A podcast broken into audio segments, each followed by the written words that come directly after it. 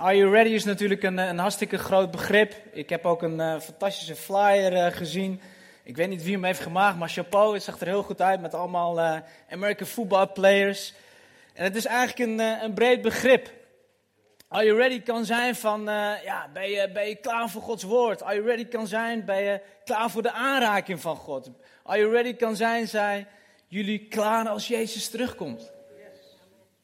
Weet je, en een prachtige lied gezongen over openbaringen. En ik weet niet of dat gerelateerd is naar de, teksten die ik vandaag wil uh, gaan, gaan aankaarten.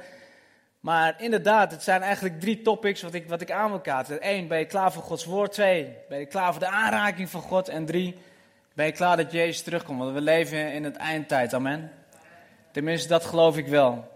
En vandaag wil ik het hebben over, ja, de echte acte, om maar zo te zeggen. De meeste mensen denken van, wat, heeft die gast het over? De acte, acte. Ik zeg het al eens vaker. Ik heb een klein groepje discipelen meegenomen van Jesus People.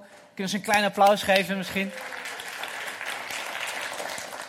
Ons verlangen en hartsverlangen is om mensen. Ik ben een beetje aan het lopen overal, vergeet me hiervoor, maar ik ben van hier naar daar, dus uh, ik hoop dat jullie mij een beetje kunnen volgen.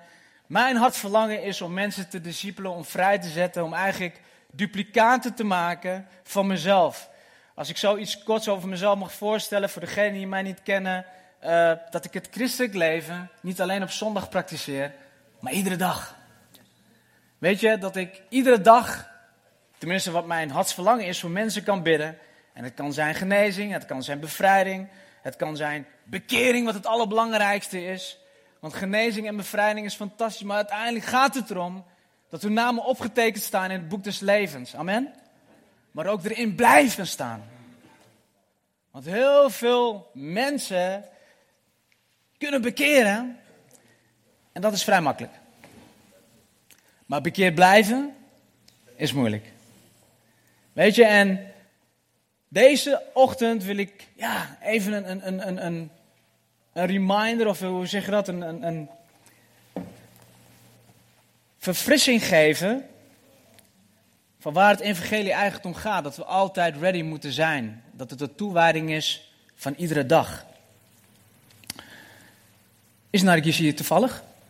Is het thuis? Oké. Maar ook vandaag geloof ik dat God genezing wil geven. Ook vandaag geloof ik dat God bevrijding wil geven. Ook vandaag geloof ik dat God jullie weer aan wil vuren als jouw vlammetje zwak is geworden. Weet je, God is hier maar God is ook in jouzelf. Heel vaak bidden voor open hemelen. Oh God, wilt u alsjeblieft naar beneden komen? Wilt u dit huis vullen? Vul dit huis met uw glorie. Maar eigenlijk zijn wij een tempel van de Heilige Geest. Of niet eigenlijk, wij zijn een tempel van de Heilige Geest, amen. En stromen van levend water kunnen ook uit ons stromen. En dat is ook waar ik het vandaag over wil hebben. Maar voor ik dat ga doen, wil ik eerst de Heilige Geest uitnodigen. Waarom? Omdat hij de host is van elk evenement, van elke samenkomst, tenminste wat wij houden, van elk gebed wat ik bid en van elk woord dat ik uitspreek.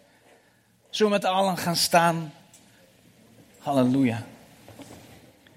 Dank u Jezus voor deze fantastische ochtend. Ik heb hier echt naar uitgekeken. En ik dank u wel, Heilige Geest, dat u hier bent. Heer, het is niet aan mij, Heer, maar het is aan u, Heer Jezus, Heer, wat u wil gaan doen. Want Vader, u bent de enige en de echte die Jezus echt kan maken. Vader, zo wil ik ook, Heer, dat niets vanuit mijn vlees gesproken zal worden, maar alles rechtstreeks door uw geest. Vader, dat elk woord geladen zal zijn met uw Heilige Geest, dat het als een tweesnijdend zwaard mag zijn door merg en been, Vader. Dat de mensenharten aan zal raken, maar bovenal zal veranderen. En dit is mijn gebed voor deze ochtend, Vader, dat niemand onveranderd de deur uit zal lopen, maar aangevuurd en toegerust zal zijn met uw woord. Want uw woord geeft kracht, Heer. Vader, dank u wel, Heer Jezus, Heer, dat u nu op dit moment de mensen aanraakt, Vader God. U hun harten voorbereidt, Heer, voor wat u wil gaan vertellen. Dank u wel dat u de harten verzacht, Heer, daar waar verharding is. Dus wil ik ook elke stem het zwijgen opleggen die niet van u komt in de machtige naam van Jezus. Zo ben ik u dankbaar, Heer, dat u neerdaalt, Heer, met een wolk van uw tegenwoordigheid, zodat u tastbaar wordt. Vader, want u bent geen God, Heer, die ver in hemel leeft. Nee, maar dat u zich gehuisvest heeft, Heer, in onze harten. Dank u wel, lieve Heer Jezus, dat we deze dienst zo aan u mogen opdragen, Heer. Tot eer en glorie van uw naam. en tot uitbreiding van uw koninkrijk. Amen. Halleluja. Ik wil graag met jullie opslaan in Daniel 3.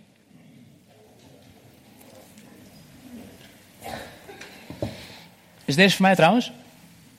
Ja? Ik vraag me even voor de zekerheid.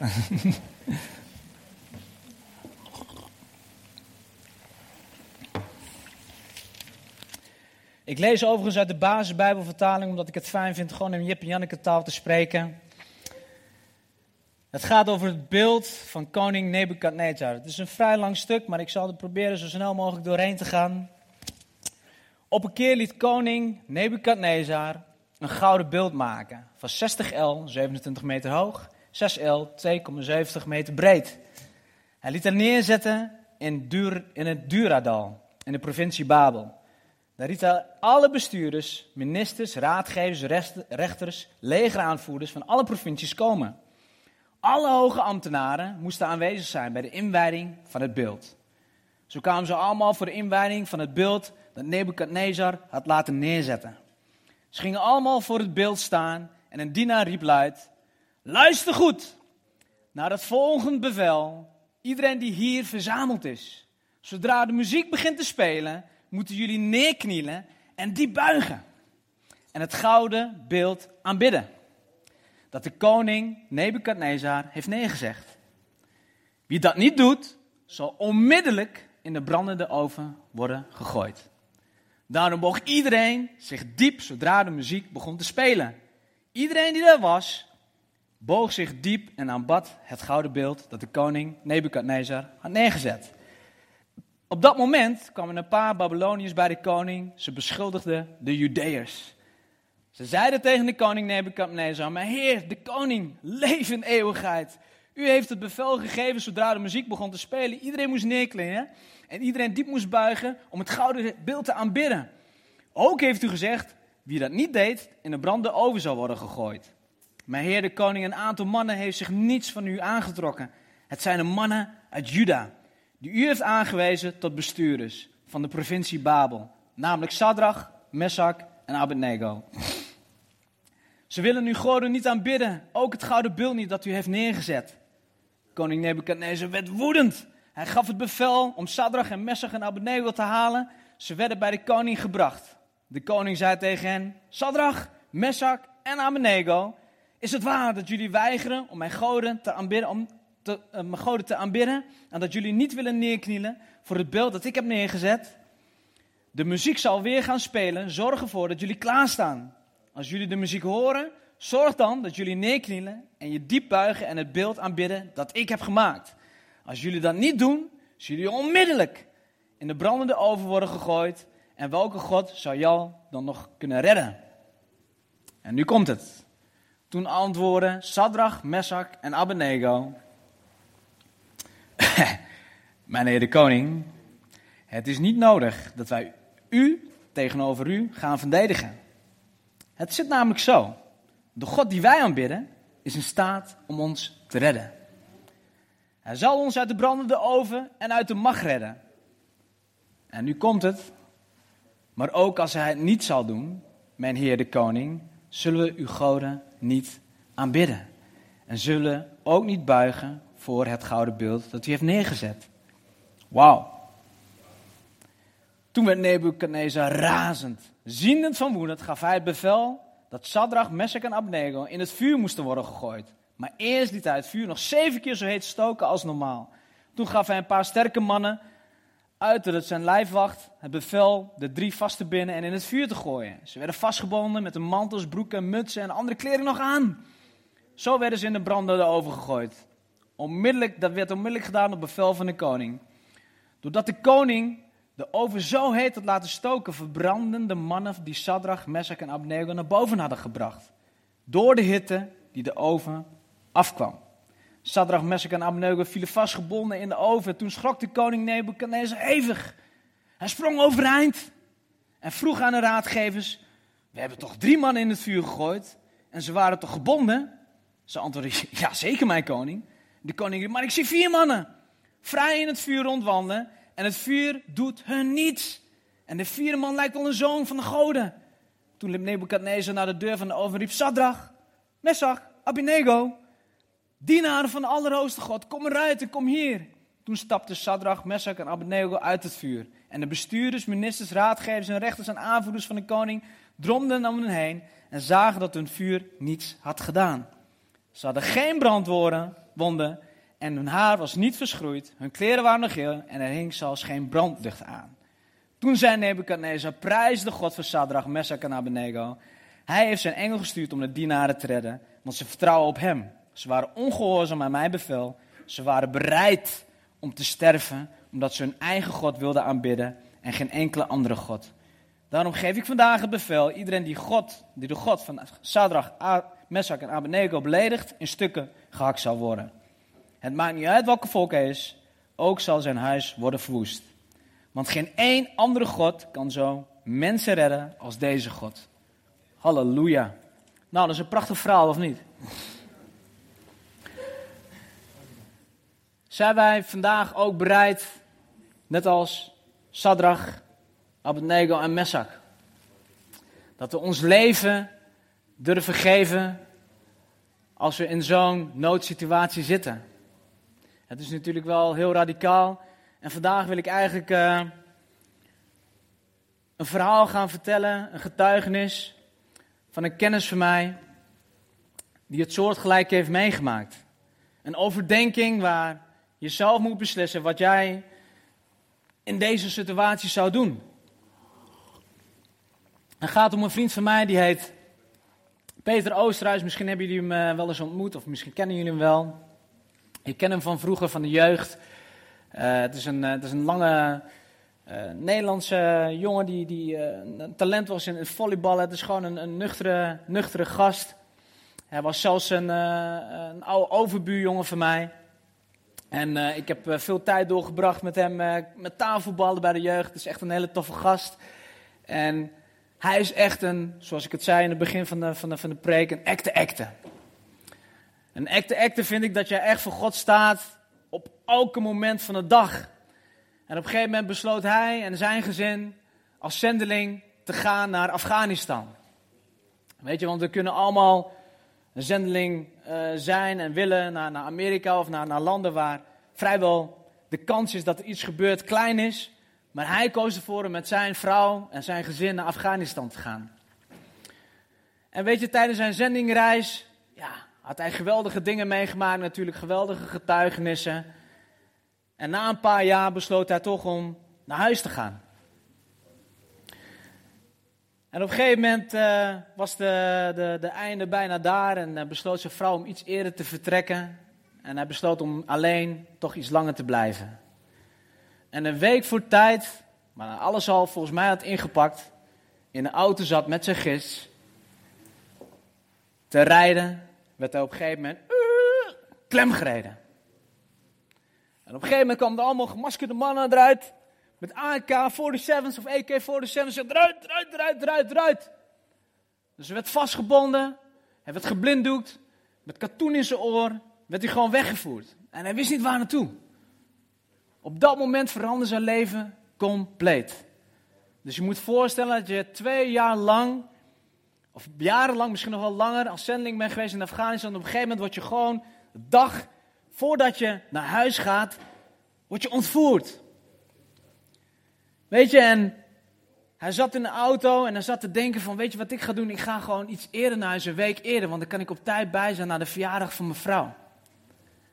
Dus dan kun je nagaan dat hij als, als een man God heeft gediend, uiteindelijk daar komt en gewoon wordt gearresteerd terwijl hij nog eerder naar huis wil gaan ook. En dat hij zijn, zijn taak daar volbracht had. Weet je, en op een gegeven moment kreeg hij katoen uh, uh, in zijn oren gedrukt. En hij werd geblinddoekt en werd hij vastgezet in een een of andere kiphok. En hij werd geketend aan de, aan de gids waar hij op dat moment was. En hij wist ja, helemaal niet wat er gebeurde. Op een gegeven moment zeiden die ontvoerders van, weet je, je mag een kort belletje maken, want Uiteindelijk hebben wij een eis en ze eisen een paar miljoen. Eigenlijk onwerkelijk voor een, voor een zendeling of voor de regering om te betalen. Dus en daarna zeiden ze, mag je ook even een kort belletje naar iemand anders doen. En dat was op dat moment zijn vader. Mijn vader is overleden, maar ik kan me voorstellen als mijn vader nog zou leven, dat hij een zak en as zou zijn. Dat hij maar voor vier seconden zei van, nou hij wist natuurlijk dat in Afghanistan, dat eigenlijk je grootste nachtmerrie gewoon werkelijkheid wordt. En dan zei hij, papa ik hou van je. Ik weet niet hoe dit allemaal zal gaan of hoe lang dit nog zal duren. Maar hup, op een gegeven moment werd de telefoon uit zijn handen gepakt en een, paar, een eis van een paar miljoen werd neergelegd. Maar eigenlijk wist Peter diep in zijn hart dat onderhandeling niet mogelijk was. En helemaal niet voor een paar miljoen. Dus hij werd in het diepe gelaten. Weet je, en na dagenlang niets te drinken te hebben, en het was een week voor zijn, de verjaardag van zijn vrouw, zat hij daar vastgeketend, koud, weinig kleren aan, brak de dag aan van zijn vrouw die jarig was. En hij had dagenlang niets gedronken. En ik weet niet of, of jullie het weten om dagenlang niets te drinken, maar je lichaam heeft gewoon vocht nodig. Eten kan nog wel eventjes, normaal als je aan het vasten bent, misschien uh, mensen onder ons die hebben gevast, dat lukt makkelijk. Maar als je geen vocht hebt, dan wordt het toch wel lastig. En op een gegeven moment kreeg hij dorst. Maar hij kreeg geen drinken. En op een gegeven moment kreeg hij zo dorst dat hij zijn eigen urine heeft gedronken. Om in leven te blijven. En hij dacht bij zichzelf van wow, en dit op de verjaardag van mijn vrouw. Maar ze nou waarschijnlijk een koffie en gebak zitten en ik drink hier mijn eigen pis. In de diepste, diepste dal van duizenden, zoals Psalm 23 ook zegt, bevond hij zich. Weet je, allerlei gedachten spookten door zijn hoofd. Ik raak mijn kinderen kwijt, ik raak mijn vrouw kwijt, ik, ik zie mijn ouders nooit meer terug. Ik, waarom moet ik dit allemaal meemaken? Weet je, en tijdens zijn gevangenschap kwam de boosheid, woede, onbegrip, notabene naar voren. En ze zei van, ja weet je, ik, ik ben nu op zendingreis en dan moet ik dit meemaken. En hij kwam tot de ontdekking dat los van, van het water, dat hij ook verlangde naar intimiteit met God. Dat ook, ook in deze en barre omstandigheden het belangrijk is om God te zoeken. Maar eigenlijk ook tot de ontdekking kwam dat hij, ja, eigenlijk niet zo meer zo lang geleden dat hij had verlangd als een het dat verlangt naar water, naar God verlangde. En het liedje kwam telkens weer boven in zijn gedachten van, als een hert dat verlangt naar water zo verlangt mijn ziel naar u. En telkens kwam het weer in zijn gedachten en hij kwam tot de ontdekking van ja, eigenlijk is het heel lang geleden dat ik niet meer het verlangen heb gehad om zo dicht bij God te leven. Eigenlijk was de laatste periode van zijn zendingreis continu bezig maar met met, ja, op de automatische piloot om, om God te pleasen met de werken die ik doe. En uh, eigen persoonlijk leven was er een beetje bij in te geschoten. Dus eigenlijk een beetje op automatische piloot. Herkennen we dat? Dat we als christenen op automatische piloot zitten. Dat we zondag naar de kerk gaan. We gaan naar onze bijbelstudie. Maar uiteindelijk de persoonlijke relatie met God, waar het eigenlijk allemaal om gaat, hierin vergeten. Ook als we kijken dat we God vaak willen, willen pleasen op bepaalde ja, manieren. Terwijl ook in, in Lucas 10, vers 41 staat, het verhaal van Martha, dat je soms ook gewoon stil mag zijn. En dat je niet altijd maar hoeft te werken voor God. Dat je gewoon mag komen zoals je bent. Dat je het quality time met hem mag doorbrengen, maar dat je juist dan kan shinen.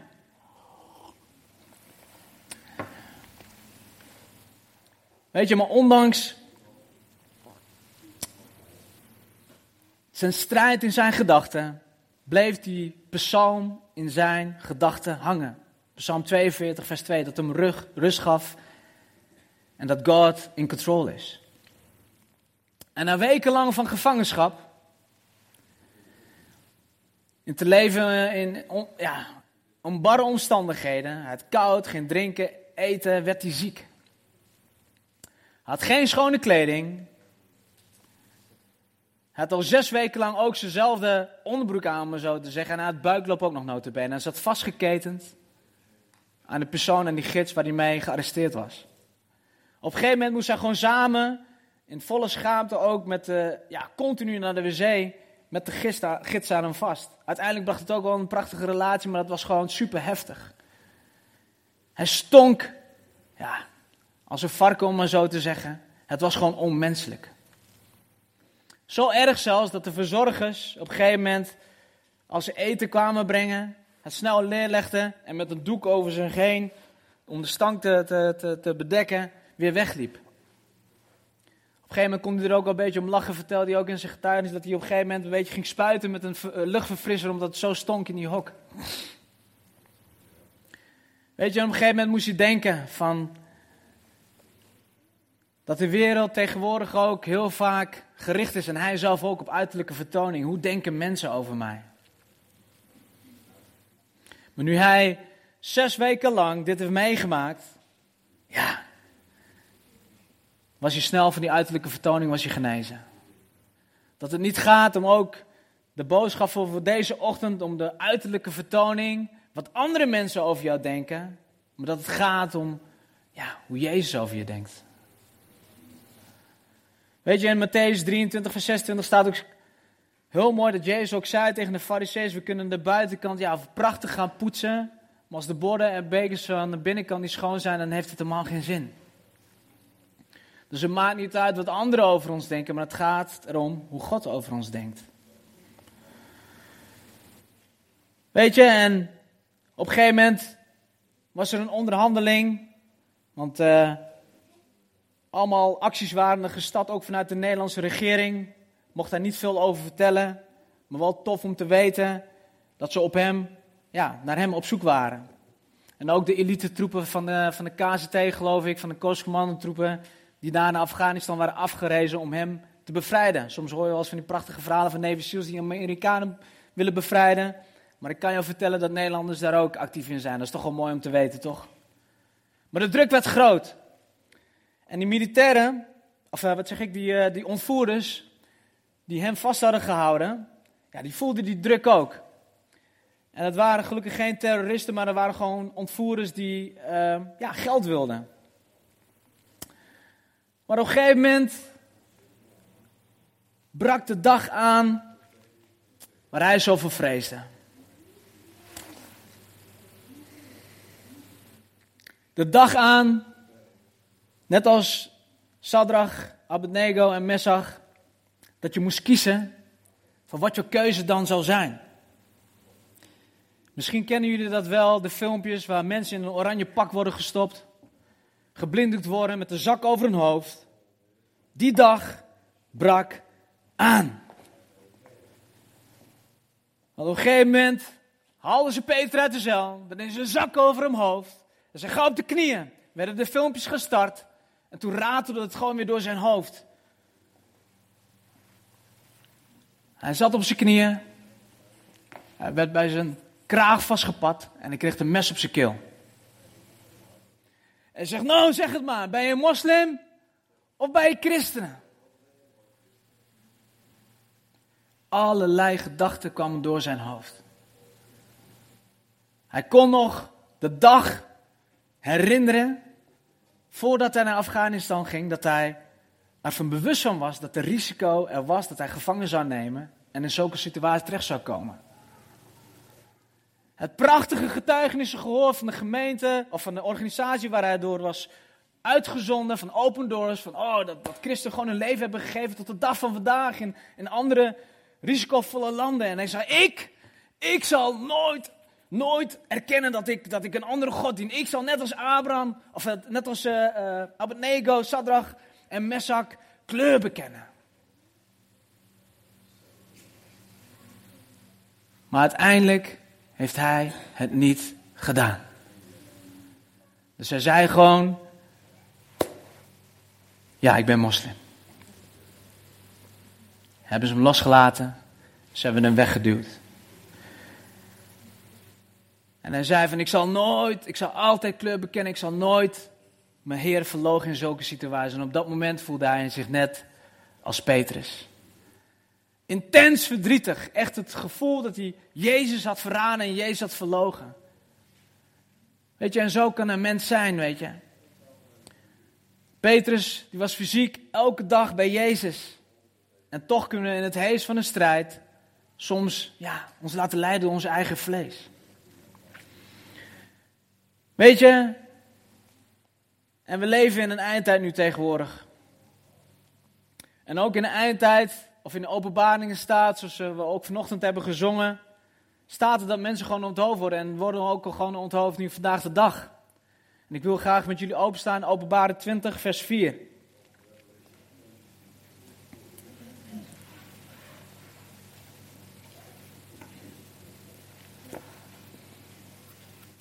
En ik zag tronen, daar gingen mensen op zitten, die rechtstreeks over de wereld, over de wereld moesten rechtspreken. Ook zag ik de zielen van de mensen die waren onthoofd omdat ze in Jezus en in Gods woord geloofden. Ze hadden niet het beest en het beest van het, het beeld van het beest aanbeden. Ze hadden het merkteken van het beest niet op hun voorhoofd of op hun hand willen dragen. Weet je, en daar staat gewoon in dat ook aan het einde van de tijden, tenminste als je hier achter blijft na de opname, als je het merkteken niet draagt, ja, gewoon onthoofd zal worden. Weet je, en dat is gewoon ook vandaag de dag van, ja, ben je ready? Leef jij dicht bij God? Ben jij in staat om zo sterk te zijn als het moment daar is om kleur te bekennen? Ik kan een prachtige boodschap houden van, oh, het is allemaal goed, het komt allemaal goed, stil maar, wacht maar, alles wordt nieuw. Maar uiteindelijk leven we wel in een tijd en Jezus heeft gezegd dat het niet beter zal worden, maar alleen maar erger en erger. Maar dat we wat in Corinthië straat die in de belofte mogen wandelen, dat hij ons nooit meer zal geven dan we niet aankunnen. En dat we in hem meer dan overwinnaars zijn, amen. Maar dat we wel dicht bij hem moeten leven. Weet je, en op dat moment kunnen we wel zo denken, maar zoals Peter, die notabene een zending was, in opdracht was van de Heer, zijn kleur niet kon bekennen. En hij werd depressief toen hij thuis kwam. Hij werd zo depressief dat hij niet eens tegen zijn vrouw durfde te vertellen van wat er was gebeurd. En zo uh, intens zat hij ermee. Zo'n schuldgevoel, zo'n zo schaamtegevoel. En op een gegeven moment, als klap op de vuurpijl, toen hij thuis kwam, zal ik je zo vertellen hoe dat ging. Kwamen de verhalen naar boven.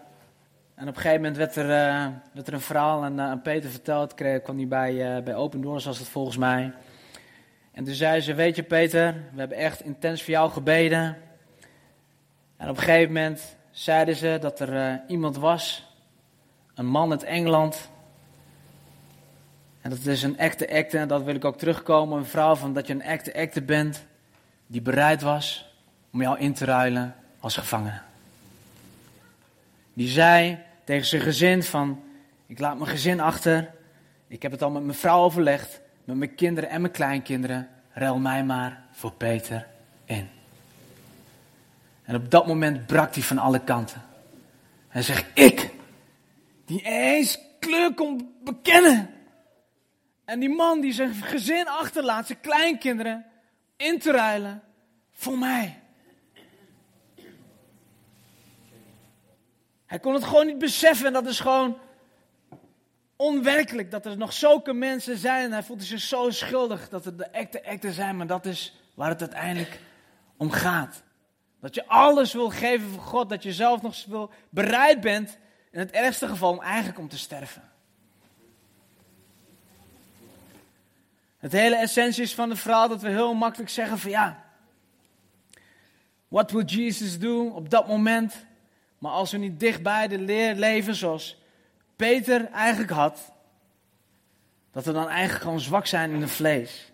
Daarom is het zo essentieel en heel belangrijk, zoals Matthäus 6 vers 6 ook staat, om met de deur achter je dicht continu tijd met hem door te brengen. Om niet meer op die automatische piloot te zijn, om niet meer in die sleur te leven waar we heel gauw inkomen.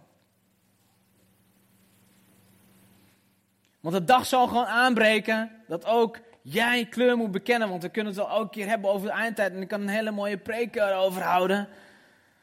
Maar hebben jullie wel eens nagedacht wanneer jullie ook Jezus zullen ontmoeten?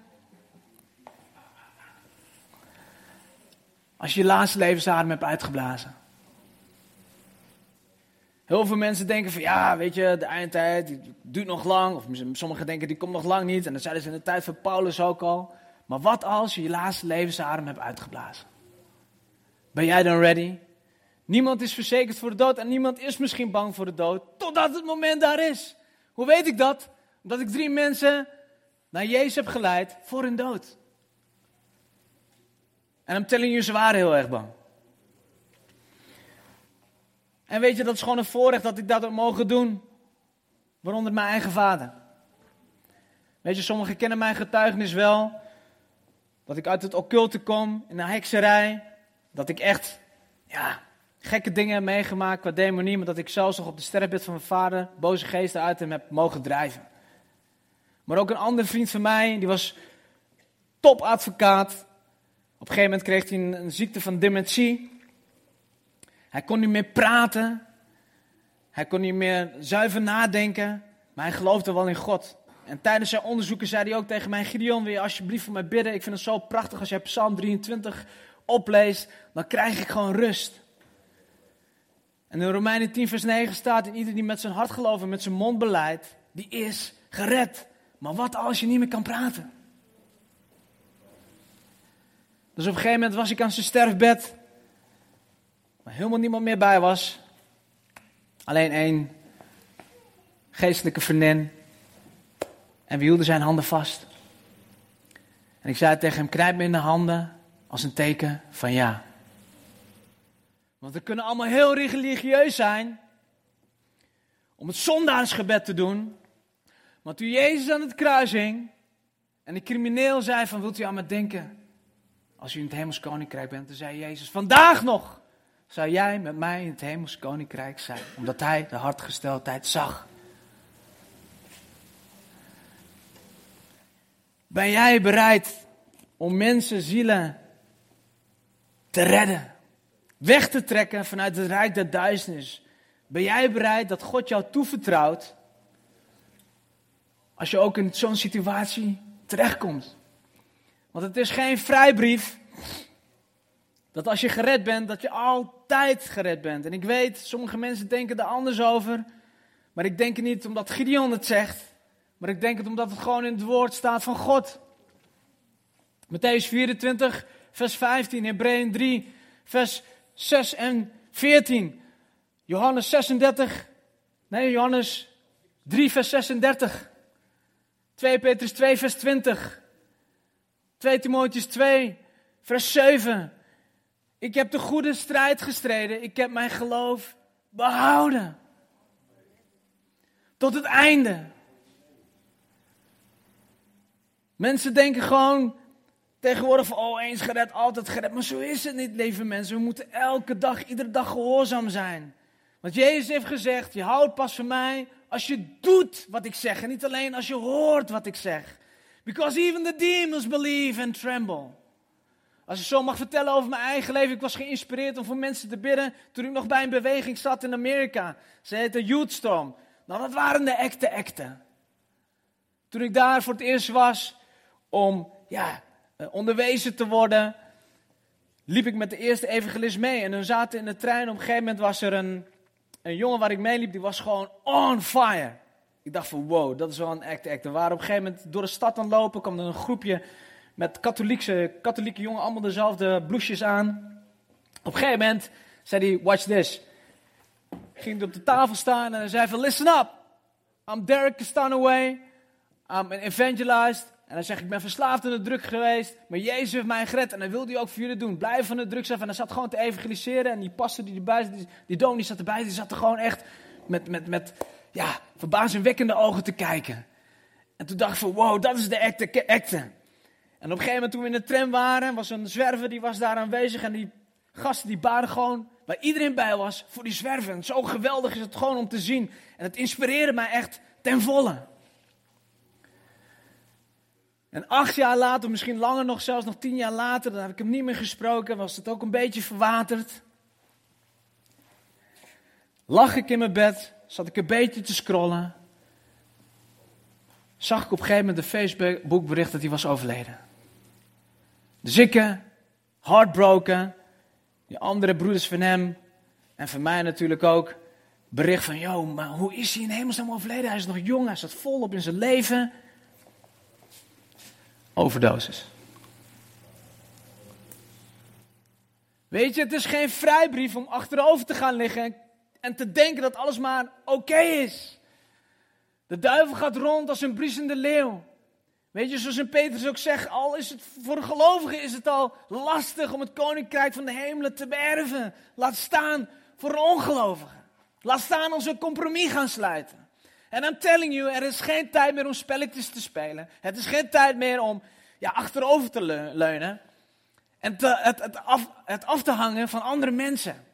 Want sommige mensen die, die willen steeds rusten op iemand anders zegen. Oh, als hij maar fire, vurig genoeg is, ja, dan, dan lift ik wel mee. Nee, Jezus wil dat jij zelf wordt geactiveerd. Zelf hem gaat ontmoeten. Independent bent. In die zin, met de deur achter je dicht, zoals in Matthäus 6 vers 6 staat. Hij wil jou ook gebruiken. Weet je, en dan gebeuren de wonderen en dan gebeuren de tekenen. Dit is niet alleen voor mensen die een podiumplek hebben, die geweldig kunnen spreken. Nee, hij wil jou ook gebruiken in jouw gaven en in jouw talenten. Als ik zo mag spreken, de afgelopen week, ja, ik heb, ik heb vrijdag nog voor iemand gebeden. Afgelopen week hebben we nog een bevrijding gehad. Misschien hebben jullie dat in het begin wel gezien, die, die, die filmpjes die ik heb gezien, um, of die ik heb uh, getoond, over de, de, de getuigenissen en de bevrijdingen. Die waren van mensen die gewoon daadwerkelijk echt genezen waren. Ik wil niet teren op oude filmpjes. Ik wil continu dat er weer eens nieuw is. Dat jij een rugzak hebt voor jezelf om nieuwe getuigenissen te hebben. Wat je ook kan delen aan andere mensen. Dat we niet meer gaan hopen, maar geloven dat God vandaag, gisteren nog steeds hetzelfde is. Dat er nog steeds kracht is, want deze wereld is gewoon verdord. Weet je, alles wordt toegelaten, alles is maar goed, alles is maar oké, om niet te veel in de details te treden. Maar jij kan het verschil maken. Want Jezus heeft ons als opdracht gegeven in Marcus 16, vers 15, dat we de wereld in moeten gaan. Het evangelie moeten verkondigen. En zoals Matthäus 28, vers 18 en 19, doop hem in de naam van de Vader, de Zoon en de Heilige Geest. Maak alle volken tot mijn discipelen. Lieve mensen, het is een opdracht en geen vraag. Jezus heeft niet gezegd van, uh, als het even schikt, kan je dan over mij vertellen? Nee, continu. Gepast of ongepast. En het is soms lastig. Vind ik ook. En soms moet je gevoelig zijn in de geest wanneer het juiste moment is. Want dan kan het ook tegen je werken. Of juist om al mensen afstoten. Maar dan kom je alleen achter door nogmaals deze 6 vers 6 te hanteren. Dicht met hem te leven en hem te leren kennen. Want hij wil je een level opbrengen, continu weer en meer mensen toevertrouwen. Weet je, mensen willen vaak zendingsreizen, misschien wel naar Afghanistan of China, terwijl ze hun eigen buurman nog niet eens over Jezus hebben verteld. We kunnen al beginnen te starten om in je eigen omgeving het verschil te maken. Want dat is waar God naar kijkt. En dat hij dan ook de wonderen en tekenen zullen volgen. Weet je, ik weet niet of u nog kan herinneren, maar op een gegeven moment ook toen mijn oom op sterven lag, die mij spreuken had gegeven, demonische spreuken, sprak God tot mij. En hij zei van, ook hij moet gered worden. En op een gegeven moment ben ik ook naar zijn sterfbed toegegaan. En niet om helemaal in details te treden, maar op een gegeven moment, hij zat in het occultisme en had nog maar andere ooms die, die, die, die, die, die baden voor hem, maar niet tot, tot de God van Israël, maar tot andere afgoderij. Waar het echt een strijd was om zijn lichaam. En het is een strijd, lieve mensen, want de Satan wil gewoon maar één doel, is jou vernietigen en jou gewoon ook samen met hem, met zijn engelen, in de hel hebben. En op een gegeven moment zei ik tegen God van, ja, maar wat moet ik dan in hemelsnaam tegen hem zeggen? Hij is ouder dan mij en is tot een, een level van respect. Hij zegt, zeg maar gewoon hoe het is. Dus op een gegeven moment lacht hij op sterven. En ik heb spreuken van hem gekregen, echt de crazy stuff. Niet om details te tremmen, echt evil, evil. En ik zei tegen hem van, Johnny, ik hou van u. Ik ga geen lang verhaal maken. U weet dat ik gelogen ben. U heeft twee keuzes. Het is of een tikken naar de hemel, of een tikken naar de hel. Zegt u het maar. En toen zeiden van, ja, maar ik wil er nog even over nadenken. Ze zeggen over nadenken als ik de doktoren moet geloven. Heeft u niet veel tijd om na te denken? Nou, dus op een gegeven moment zei hij van, ja, oké, oké, oké, nou is goed dan. Dus ik heb met hem gebeden, het zondagsgebed gedaan. Hij heeft zijn leven aan Jezus gegeven. Maar er was continu strijd. Waarom? Omdat ik zei tegen mijn nichtje van, yo, ik weet dat mijn andere oom ook continu langskomt om voor hem te bidden voor afgoderij. Dat hij hem op die manier misschien zou genezen. Dus ik wil dat ik elke dag hem kom bezoeken. Ja, dat is goed, zei mijn nichtje. En de volgende dag belde mijn nichtje op, ja, je kan niet komen. Waarom niet? Ja, mijn andere oom komt. Strijd, hè? Maar de Heilige Geest bevestigde tegen mij, van, het was toen de coronaperiode, je moet toch gaan naar de ziekenhuis. Dus ik moet toch gaan naar de ziekenhuis. Ik zei, dat mag niet, er mag maar één persoon gaan. Maar het drukte toch op mijn hart, dus ik ben er gewoon naartoe gegaan. En ik heb heel vaak mijn getuigenis verteld in verschillende soorten gemeentes, maar eigenlijk nooit tegen die oom zelf. Die ook spreuk aan mij had gegeven. Dus hij, de lift ging open en ik zei van, ik heb met hem gebeden, hij is nou gered. Dus kap met die afgoderij, dat brengt hem alleen maar weer naar de afgrond. Zeg, weet je, ik mag, ik mag blij zijn dat ik hier nog sta met u praten, want die spreuk die u mij heeft gegeven, heeft me bijna van mijn leven beroofd. En op een gegeven moment zat hij echt zo te kijken waarom, omdat God gewoon spreekt, omdat God waarheid heeft. Jezus is de weg, de waarheid en het leven. Niemand komt tot de Vader door hem en hem alleen. Dus niet door Boeddha, niet door Shiva, niet door Maria, niet door alle andere afgoden die hij ook probeerde aan te kaarten. Nee, alleen door Jezus alleen. En ik ging weg, maar wel met een gebroken hart. Ik dacht van ja, hij gaat toch naar binnen. Zal mijn oom toch weer zijn leven geven aan, aan, aan de afgoderij? Dus ik liep met mijn ziel onder de arm. Zat ik op een gegeven moment ook met mijn kinderen aan tafel, het avondeten. Ik was zo vermoeid van de geestelijke strijd dat ik niet eens meer kon eten. En op een gegeven moment, boem. Kwam Gods geest naar beneden. Als een wolk van zijn tegenwoordigheid, zoals in 2 Kronieken 5 zo prachtig staat beschreven. Zijn heilige aanwezigheid. En misschien kennen jullie het wel, op een gegeven moment werd ik emotioneel. Ik werd verdrietig in mijn hart. En aangeraakt door Gods geest. En ik zei tegen mijn vrouw, ik ga even naar boven, want ik, ik, wil niet dat mijn kinderen me zo zien, hier zien huilen. Dus ik liep naar boven, mijn ziel onder de arm. En toen kwam het. Een wit, wit heldere licht was er op een gegeven moment. En ik zag op een gegeven moment mijn oom staan. En ik heet Gideon en hij noemde mij altijd Gietje. Hij zei, Gietje! En hij liep naar het licht toe. En toen hoorde ik Gods stem, zoals ik nou ook tegen jullie spreek, van Hij is bij mij. En op dat moment brak ik gewoon van alle kanten. Dikke krokodillentraan. Ik zat gewoon in een hoekje te brullen, echt luid. Mijn eigen plasje snot en tranen. Zo erg zelfs dat mijn vrouw op een gegeven moment kwam en die zei: Deed de deur open en zei: van, Gaat het wel? En ik pakte haar gewoon zo vast. Je weet niet wat ik nou heb meegemaakt. Ik heb veel meegemaakt. Maar wat ik nou heb meegemaakt, dat God zelf mij bevestigde dat hij gered was. Zij wel, die kinderen heb je nog nooit zo hard horen huilen. En we zijn eigenlijk een beetje bang geworden. Maar halleluja dat Gods wonder gewoon echt is. Tastbaar, ook nu vandaag de dag. Dat we iedere dag, ja, sommige mensen zeggen over, Gideon, waarom heb je het elke keer zo vaak over demonen en over, over, over, over, over, over het rijk, dat duizend dat je waakzaam moet zijn. Omdat het zo is. We leven in een geestelijke strijd. En als je niet waakzaam bent, de geestelijke wapenrusting, wat zo vaak wordt gezegd, en je hebt het niet aan, je denkt van, oh, we moeten gewoon lekker focussen en net doen of er niks aan de hand is. Nee, dan leef je net als de heidenen. Maar dat we elke dag onze geestelijke wapenuitrusting aantrekken. We leggen ongetwijfeld, kennen jullie het ook uit jullie hoofd, dat hoop ik althans. De helm des hels. De schild des geloof, de panzer der gerechtigheid. Om God met de gordel des waarheid en de schoenen bereidvaardigheid. Dat jij het licht van de wereld zal zijn. En het zou eraan.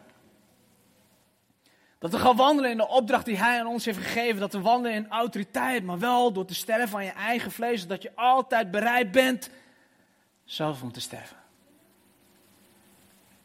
Want het kan maar zo zijn dat die moment daar is of daar komt. En dan hoeft het niet zo te zijn dat iemand met de mes op je keel zit. Maar dat je zo het leven wordt afgenomen. Want het is geen vrijbrief dat als jij je tiende betaalt, dat als jij een, een, een, weet een, een, een bediening hebt, dat jouw levensdagen dan worden verlengd. Hoe weet ik dat? Omdat een broeder van mij ook gewoon ziek is geworden, drie kinderen achterlaat en nou bij de Heer is. Make every moment count. Nogmaals, geen tijd meer om spelletjes te spelen. Geen tijd meer om te horen, want de tijd is kort. Wil jij het verschil maken in deze wereld? Dan is nou de tijd. Are you ready? Om jouw schild af te stoffen, om jouw helm af te stoffen en weer opnieuw op te zetten. Je panzer der gerechtigheid opnieuw weer aan te trekken. Je schoenen vaardigheid weer aan te trekken. Om de wereld in te gaan, om het verschil te maken. Om jouw buurman te redden, om jouw neef te redden, om jouw oom te redden die niet bekeerd is. Om die vriend van jou in het verleden te redden. Wat ik zelf ook merk in mijn eigen omgeving. Weet je, dat oude vrienden van mij, waar ik vroeger mee in, in een club heb mee lopen snuiven en pillen heb mee mogen slikken. Dat zij nou gewoon zien van, joh, die Gideon is echt veranderd, man. Weet je, dat ik ook elke bezoek wat ze aan mij doen, of als wij op visite gaan bij onbekeerde mensen, dat we dat zien als een missietrip. Dat we dat zien als een zendingsreis. Dan is het inderdaad ook een week van binnen en door vasten. Waarom? Omdat ik dan wil dat, dat, dat het evangelie wordt verkondigd. Dat er op een gegeven moment een gesprek komt over Jezus. Want hij is de alfa en omega, amen. Het gaat allemaal om hem. Dat is mijn doel. En op een gegeven moment als ik, als ik, als ik, als ik daar ben, dan... Ik weet niet hoe het niet met jullie is, maar als je vol bent van Jezus, dan is het leuk om over koetjes en kalfjes te praten. Maar uiteindelijk, ja, irriteer ik me aan. Dan zeg ik altijd van, ja, zo mag gewoon kappen met die onzin. Laat het over Jezus hebben. Want dat zijn woorden van kracht. Woorden van leven. En op een gegeven moment kreeg ik ook op mijn hart om over Jezus te vertellen. En de jongen die voelde gewoon aanwezigheid van de Heilige Geest. Nu op dit moment zoals jullie hem dit ook, nu ook voelen. Tastbaar. En hij zei tegen mij van, goh, Gideon, ik weet niet wat er gebeurt, man. Ik ken je alleen maar van vroeger, weet je, toen je nog gek was en altijd slappen naar hoeren was, maar dit is wel echt. Ik zeg, ja, weet je, het is de echte echte, zoals ik net ook zei. En ik ben blij dat je hier met je vriendin bent, want ik had het al heel lang op mijn hart. Want ik wil ook dat jij het eeuwig leven beërft, want dat is uiteindelijk waar het om gaat. Dat jij het evangelie, maar dat jij ook dagelijks een relatie met Jezus hebt en hem leert kennen. En hij zei van, ja, ik vind het echt te gek man, ik heb er respect voor je. op een gegeven moment zei de Heilige Geest tegen mij van, yo, ik wil hem nog een keer aanraken, intens. En op een gegeven moment zei ik zo tegen Gavin, is ik ervaar dat de Heilige Geest jou opnieuw wat aanraken, intens. En hij heeft nog nooit een aanraking van de Heilige Geest, hij weet niet eens wat het is, zijn heilige aanwezigheid. En ik legde hem de handen op en hij gaf hem gewoon de F, maar hij viel gewoon naar voren en hij zei, nou ik, ik zeg het niet, maar hij viel gewoon door Gods aanwezigheid, wat in 2 Kronieken 5 ook mooi staat beschreven, in de geest. Terwijl hij niet eens wist wat het was. En hij zei gewoon, hij appte daarna van, ik weet niet wat er gebeurt, maar het voelt goed. Vroeger moest er een tabernakel worden gebouwd, dat we in een tweede gedeelte mochten komen. Eén keer per jaar de hoge priester in zijn heilige aanwezigheid mochten komen. Nu hebben wij de toegang zelf gekregen. Wij zelf het tabernakel mogen zijn. Wij zelf een representative van God mogen zijn. Dat we alleen ons hart en onze mond openen om Jezus te presenteren. Hoe geweldig, hoe fantastisch is dat? Wil jij het verschil maken deze ochtend? Wil jij opnieuw aangevuurd worden?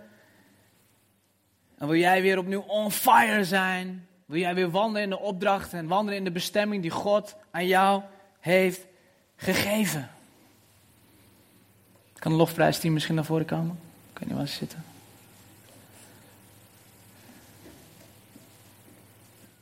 Weet je, en het maakt helemaal niet uit als je een keer valt.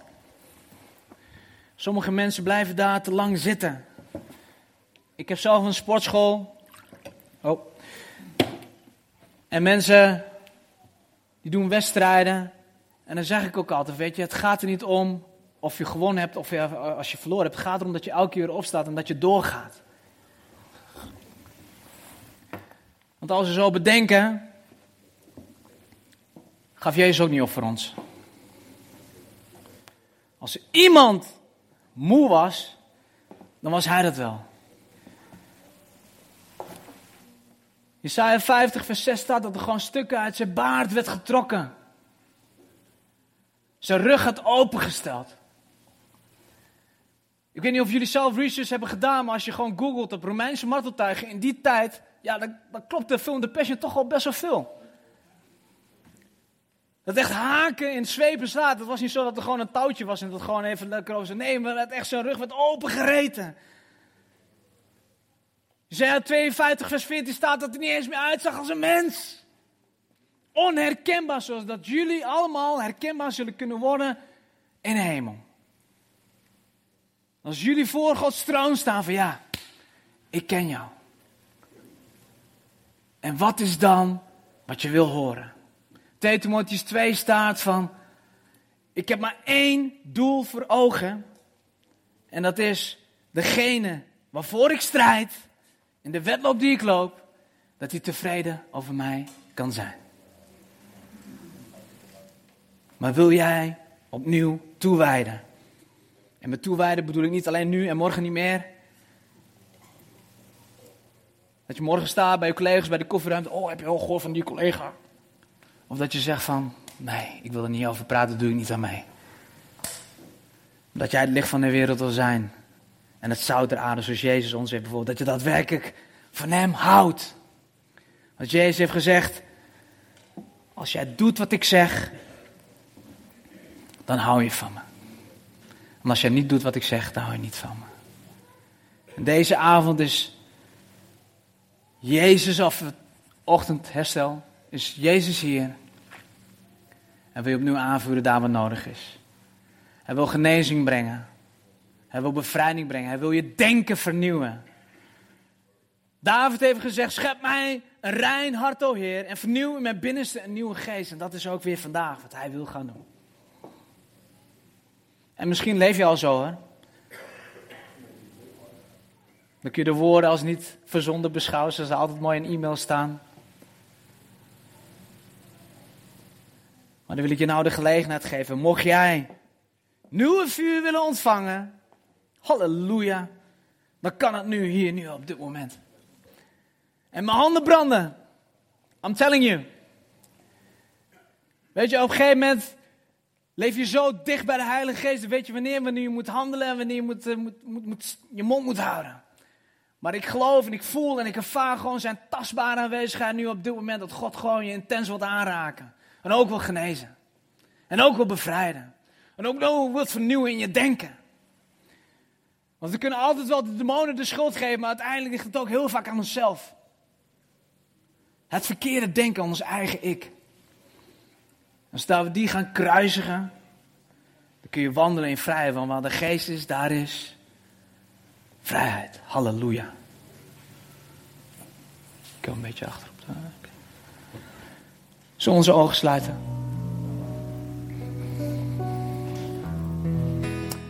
Dank u wel, Heilige Geest. Halleluja, dat u heeft gesproken, Heer. Dank u wel, Heer, dat u hier tastbaar aanwezig bent. En Vader, zo wil ik u danken, Heer, dat u nou op dit moment uh, de rijen langs gaat, uh, de mensenharten aanraakt.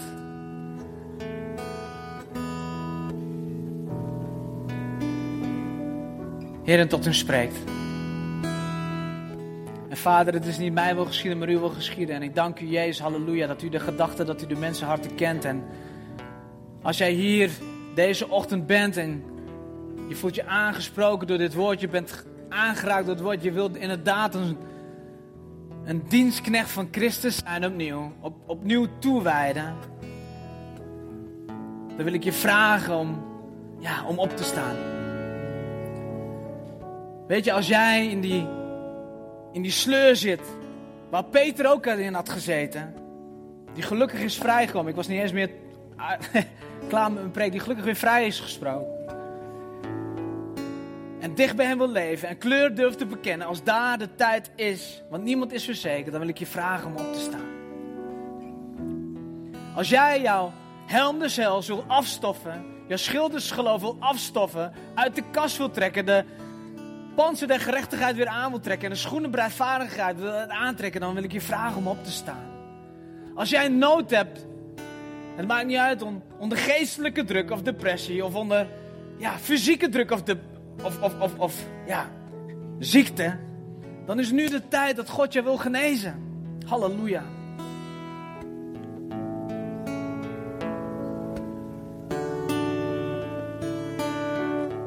En zoals deze zuster vanochtend ook zo prachtig zijn, zoals Isaiah 53 gewoon staat. Door zijn streamen zijn wij genezen. Punt. Het is niet als of of. Nee, punt. Want ik geloof, ik hoop niet, ik geloof. Halleluja. Dat God hier opnieuw is om jou een nieuwe boost te geven, om jou te verfrissen zoals David zo prachtig, zo'n vernieuwing met binnenste een nieuwe geest. Halleluja.